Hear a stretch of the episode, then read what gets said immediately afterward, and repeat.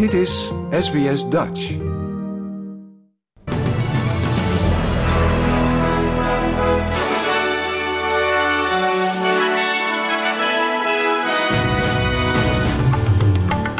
Dit zijn de headlines van het SBS Dutch nieuwsbulletin van woensdag 8 maart. Er lijkt een pauze te komen in de renteverhogingen van de RBA. Vrouwen in Australië hebben gemiddeld 136.000 dollar minder pensioen dan mannen. En pensioenprotesten in Frankrijk lopen uit de hand.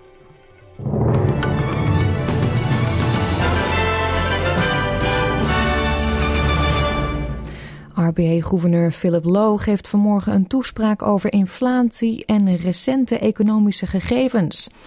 Gisteren voerde de Australische Centrale Bank de tiende renteverhoging op rij door, waarmee de contante rente is opgelopen tot 3,6 procent. Het hoogste niveau in meer dan tien jaar. Onafhankelijk econoom Chris Richardson zegt dat er aanwijzingen zijn dat er een pauze in de rentestijgingen aan zit te komen. Whether you look at wages, whether you look at the monthly inflation data, whether you look at jobs and unemployment, uh, whether you look at the continuing weakness in uh, consumer sentiment, a bunch of things are telling us uh, that the economy is slowing and the Reserve clearly thinks it's going to have to raise interest rates at least one more time.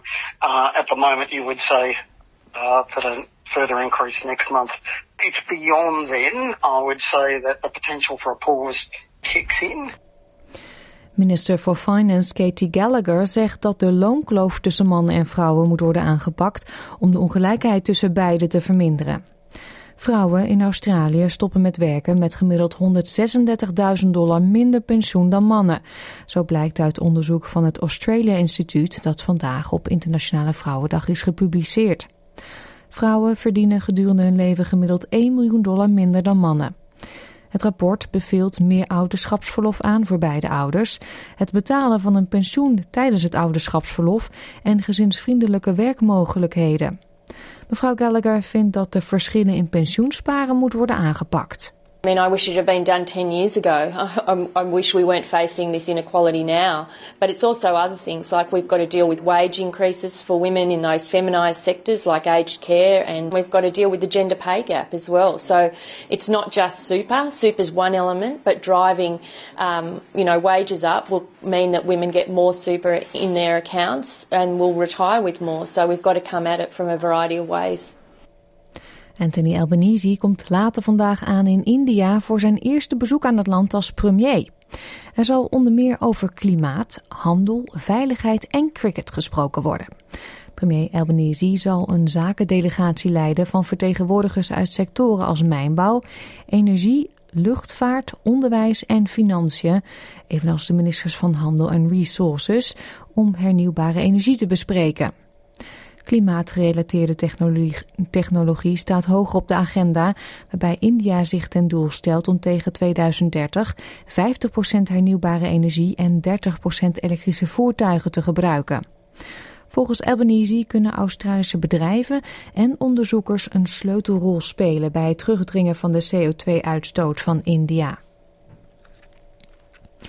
De federale oppositie zegt dat met het plan van de regering om een visumloterij voor Pacific Islanders te lanceren, het migratiesysteem van Australië dreigt te ontsporen.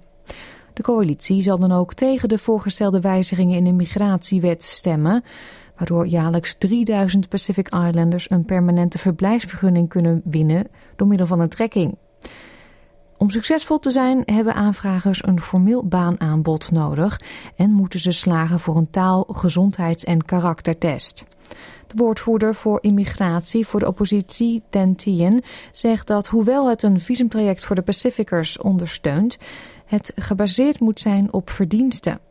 This has the potential to turn Australia's immigration system on its head. Instead of Australia's current immigration policy, which is based on attracting skilled migrants who contribute to the economy, the government proposes to introduce a lottery to decide who can become a permanent resident. That is why we oppose this bill. Volgens de regering helpt de voorgestelde visumwijziging met het verdiepen van de diplomatieke banden van Australië in de regio en geeft het eerlijker toegang tot permanent verblijf.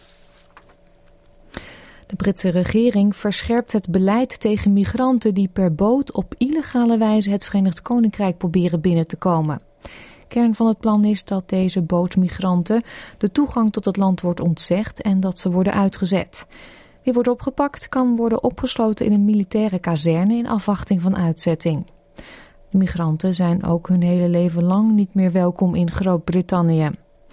Afgelopen jaar was er een stijging van 60% van het aantal mensen dat probeert het kanaal illegaal over te steken.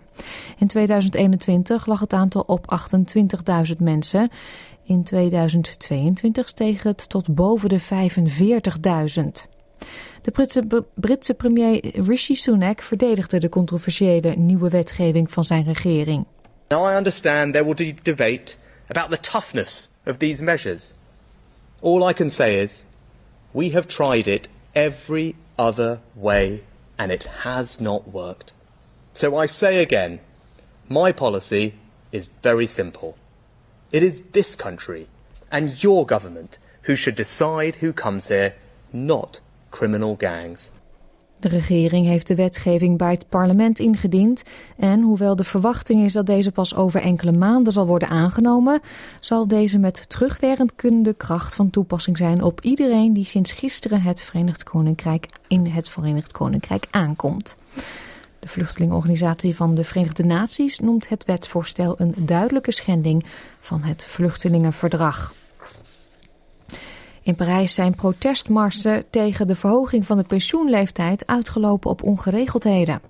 In het zuiden van de stad zette de politie traangas in toen gemaskerde demonstranten projectielen en vuurwerk gooiden, vuilnisbakken in brand staken en autoruiten insloegen. In het hele land werden de protestbijeenkomsten door meer mensen bijgewoond dan in half januari. Door de voorgestelde pensioenwijzigingen zou de minimumpensioenleeftijd worden verhoogd van 62 naar 64 jaar. Vakbonden hebben gewaarschuwd voor meer langdurige stakingen die dagen zouden kunnen aanhouden, ook bij olieraffinaderijen en op het spoor.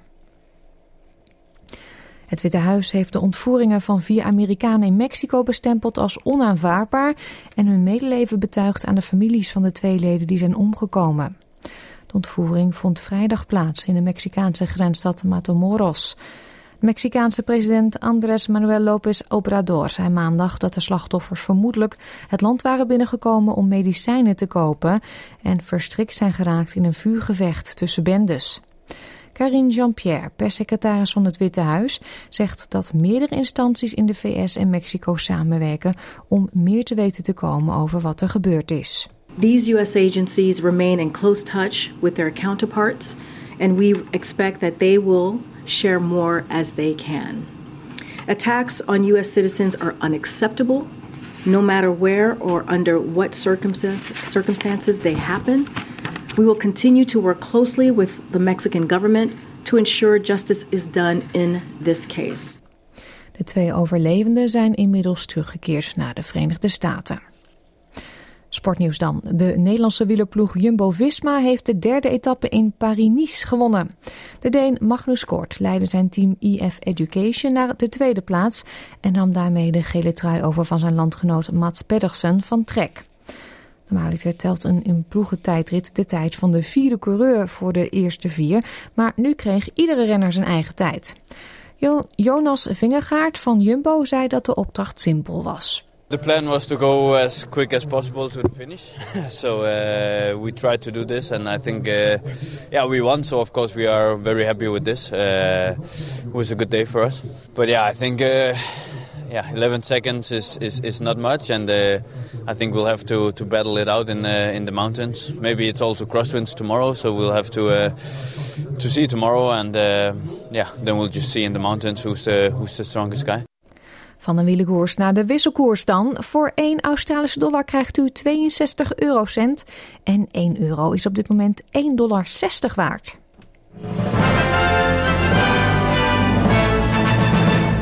Kijken we ook nog naar de weersverwachting voor vandaag. In Perth, daar kunnen buien ontstaan, maar wordt het maximaal 35 graden. Adelaide in de ochtend een paar buien, 20. In Melbourne is het gedeeltelijk bewolkt, 18 graden. Hobart een paar buien, 16 het is gedeeltelijk bewolkt in Canberra, 21. In Wollongong is het zonnig en kan het kwik ook lopen tot 29. Ook in Sydney schijnt de zon 31. Bijzonder schijn ook in Newcastle 34 graden. In Brisbane is het gedeeltelijk bewolkt 32. Buien in Cairns 31. Darwin een paar buien mogelijk daar met onweer 31. En in Alice Springs is het zonnig en ook daar wordt het maximaal 31 graden. Dit was het SBS Dutch Nieuws. Like,